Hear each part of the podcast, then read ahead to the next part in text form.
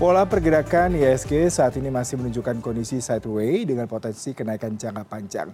Memasuki pekan pertama Maret 2023, para pelaku pasar masih mencermati berbagai agenda ekonomi penting yang bisa membawa angin segar bagi pasar keuangan tanah air. Pasar keuangan masih mencatatkan kinerja yang mengecewakan pada pekan lalu. Mampukah mereka bangkit pekan ini? Dan sudah bersama saya melalui sambungan virtual Rizky Johari, Head of Research Fund Manager saya Lendra Capital. Selamat pagi Mas Rizky. Terima kasih sudah bergabung bersama kami Mas Rizky. Ya, Mas Rizky kalau kita baca ya di minggu lalu ISG terkoreksi 0,63 persen, bahkan tertekal di awal pekan, kemudian menguat pada Rabu dan Kamis, kemudian turun lagi di akhir pekan kemarin. Sedikit sebelum kita melihat bagaimana proyeksi hari ini, Anda bisa mengevaluasi tidak pekan lalu seperti apa? Ya, menurut uh, dari kami sendiri Shalendra Capital kami memiliki pandangan bahwa memang dalam satu kuartal ini uh, pergerakan ISG akan cenderung bergerak uh, sideways. Mm-hmm. Hal ini tidak terjadi di indeks uh, Indonesia namun juga regional. Uh, ini diakibatkan karena investor pada umumnya melihat wait and see terkait dengan uh, perkembangan inflasi dan kebijakan bank sentral ke depan. Mm-hmm. Iya. Berarti kalau Anda lihat pengaruh internasional itu masih sangat dominan ya, terutama kalau kita lihat kebijakan The Fed yang masih tarik ulur terkait dengan menahan inflasi, kemudian di satu sisi kalau positifnya secara regional Tiongkok juga sudah memperlemah ataupun merilis kebijakan-kebijakan yang sedikitnya mendorong perekonomian di sana. Apakah ini juga berpengaruh terhadap ISG pada pekan ini, Mas? Oke, kalau kami lihat uh, terkait dengan reopening China ini ber, berdampak positif, namun dalam jangka pendeknya hal ini mungkin memberikan dampak negatif akibat terdap, uh, terjadinya rotasi uh, arus arus arus investor asing dari emerging market seperti salah satu Indonesia ke negara-negara Cina. Mm -hmm. Namun kami lihat secara jangka panjangnya dengan meningkatnya konsumsi Cina, Indonesia merupakan salah satu negara yang menjadi benefit akibat uh, meningkatnya neraca perdagangan. Hmm. Kalau kita lihat yang menarik adalah terkait dengan sejumlah sektor yang mengalami koreksi cukup signifikan, salah satunya transportasi dan logistik di pekan lalu. Lalu Anda melihat apakah faktor-faktor dominan internal terkait dengan laporan keuangan juga secara global seperti apa kinerja sektor ini di pekan ini, Mas? Oke, untuk kinerja transportasi, menurut pandangan kami, kami melihat uh, secara kinerja laba performa masing-masing perusahaan masih relatif bagus. Mm-hmm. Bahkan ini merupakan salah satu sektor yang menurut kami jadi favorit mempertimbangkan uh, recovery dari sisi traffic. Memang ada satu dua uh, emiten yang uh, menurun signifikan, tapi hal ini bukan diakibatkan secara penuh akibat sektor transportasi. Kebalikannya, sektor transportasi merupakan sektor yang salah satu secara volume, uh, baik dengan kapasitas dan utilisasi itu meningkat signifikan. Namun salah satu emiten di mana dengan bobot terbesar itu memang ada unsur teknologi yang di mana saat ini unsur teknologi uh, tidak menjadi uh, minat investor akibat uh, profitabilitas kemampuan profitabilitasnya relatif masih diragukan. Hmm. Mas Rizky yang perlu dicermati dalam minggu ini berdasarkan beberapa referensi yang saya baca adalah terkait dengan data pengangguran Amerika Serikat, kemudian dari dalam negeri adalah terkait dengan data devisa dan indeks keyakinan konsumen Indonesia atau KIK. Bagaimana Anda mencermati dua variabel ini, Mas? Oke, untuk data unemployment dari US sendiri kami melihat ini salah satu data yang cukup surprise di mana mungkin ini mengakibat uh, di mana unemployment itu masih belum melakukan koreksi ke level normal, mm-hmm. ke level lima persen, lima sampai enam persen, di mana konsensus uh, melihat level yang normal merupakan di situ di mana untuk bank sentral melakukan normalisasi atas kebijakan uh, moneternya. Uh, itu salah satu yang kita masih uh, lihat dan awasi. Apakah inflasi dan uh, unemployment dan labor market di US itu dapat uh, mempengaruhi atau dapat mengubah terkait dengan kebijakan yang akan diambil oleh bank sentral. Uh, di mana saat ini um, kita lihat titik terpuncaknya itu mengalami pergeseran. Seingat saya tertinggi itu sekarang sudah impai 5,5 persen mm -hmm. dengan uh, masa terpuncaknya di sekitar bulan Mei. Itu dari internasionalnya. Kalau dari uh, domestiknya kalau kita lihat dengan konsumen confidence index Indonesia yang dikeluarkan, kami melihat ini akan cenderung masih meningkat sama seperti dengan PMI yang keluar belakangan. Sudah masuk ke zona ekspansi, apalagi memasuki uh, bulan Lebaran. Tapi hal yang paling penting adalah uh, setelah Lebaran, apakah uh, konsumen masih merasa uh, confidence yang sama uh, memasuk melihat uh, regional atau global ekonomi itu mengalami perlambatan.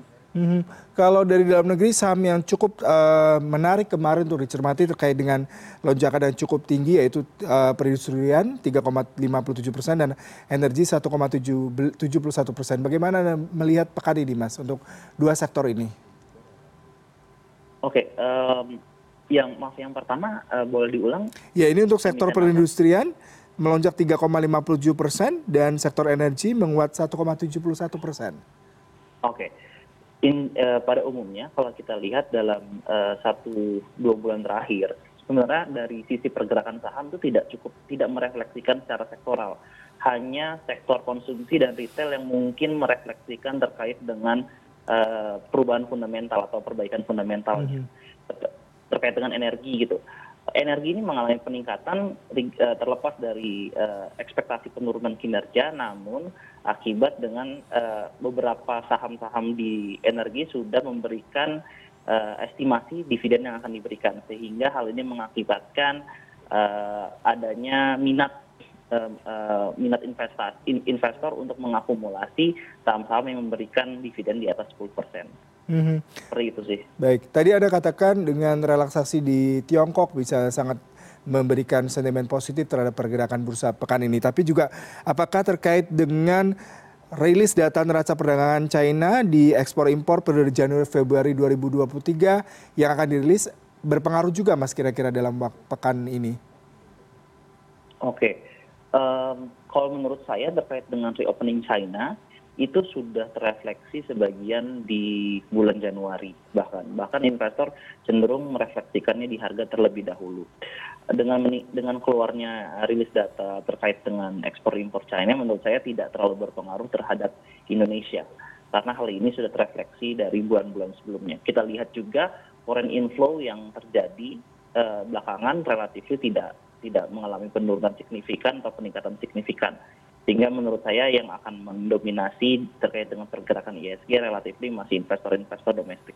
Hmm. Kalau kita cara mengenai pergerakan ISG masih cenderung untuk sideways. Anda melihat seperti apa pergerakan ini dan sampai kapan kira-kira kondisi ini bisa terus terjadi, Mas?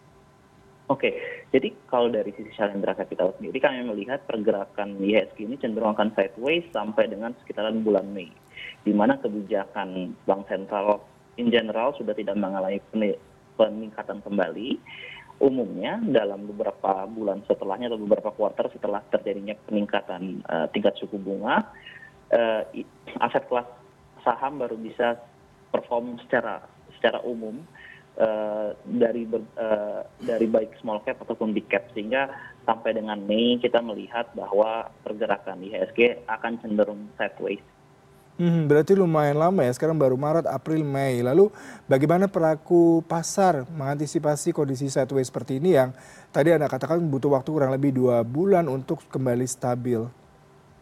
Oke, jadi kalau dari sisi kami juga uh, dengan dana-dana yang kami kelola, kami uh, fokus melakukan stock picking dengan bottom up approach, khususnya untuk sektor-sektor yang uh, fok, uh, apa faktor domestiknya lebih besar daripada faktor uh, hmm. eksternal.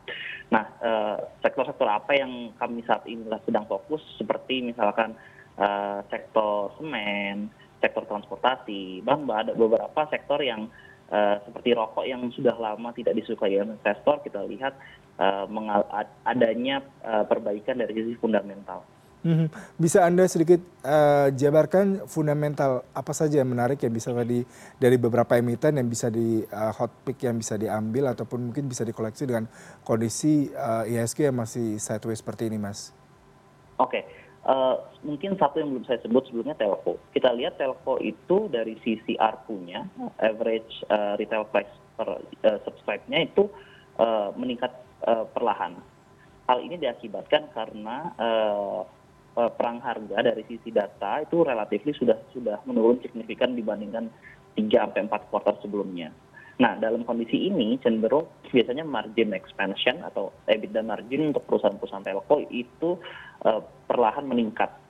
Nah, sehingga kami lihat uh, dalam uh, situasi di mana global ekonomi itu relatif uh, volat, volatil hmm. untuk satu sektor seperti telco ini yang sangat dominan terhadap konsumsi uh, domestik dan adanya perbaikan dari sisi margin ke depan dalam beberapa kuartal kami lihat ini sangat sangat uh, baik untuk dikoleksi itu satu hmm. untuk semen again uh, temanya adalah terkait dengan uh, pen, uh, penurunan komoditas juga normalisasi komoditas kami melihat uh, ini sektor sudah salah satu yang dipanis oleh market uh, dengan penurunan harga call ekspektasi kami mungkin uh, terdapat uh, margin expansion juga dari sisi uh, uh, COGS dari sisi gross profit marginnya mungkin itu dapat membuat surprise dan uh, membuat sentimen terhadap sektor ini yang sudah lama hilang kembali lagi. Ya, untuk pekan ini ada saran kira-kira sama apa saja yang perlu untuk dikoleksi mungkin menjadi tadi ya tadi katakan mungkin dari sektor-sektor uh, saham terkait dengan semen, telekomunikasi, kemudian bahkan rokok. Nah selain itu apa saja yang menarik yang mungkin bisa dicermati? Um, Oke, okay. mungkin beberapa saham-saham yang seperti small cap terkait dengan adopsi uh, electric vehicle gitu ya. Hmm. Jadi beberapa auto manufacturer di uh, saya saya di policy kami tidak relatif yeah. tidak dapat menjadi salah satu emiten gitu ya. Cuman salah satu yang menurut kami uh, meningkat uh, tren adalah uh, manufaktur auto yang hmm. bergerak di bidang uh, apa sih uh, wiring and cabling, hmm. uh, di mana kami ekspektasikan di tahun ini uh, kinerja labanya dapat uh, surprise investor di mana kayak dengan kinerja laba IHSG yang ekspektasi tahun ini cuma sekitaran 2 sampai 5 persen uh, untuk saham-saham small cap yang bisa menghasilkan kayak di atas 15 persen itu sangat sangat dapat diminati investor sih. Hmm. Jadi kalau kita lihat tren belakangan dalam atau yang kita ekspektasi dalam first half ini kita akan melihat bahwa saham-saham small cap ya dengan kapitalisasi say dari 10T sampai 2T itu bisa ada upside dibandingkan dari big cap-nya. Wah, menarik sekali. Berarti saham-saham small cap tapi dengan kapitalisasi 10T itu bisa menjadi salah satu pilihan ya. Selain tadi ada rekomendasi semen, teknologi, komunikasi, kemudian juga bahkan rokok. Terima kasih atas perbincangannya pagi ini Mas Rizky Jori, Head of Research Fund Manager Selandra Capital. Selamat pagi, selamat bertugas kembali Mas. Pagi.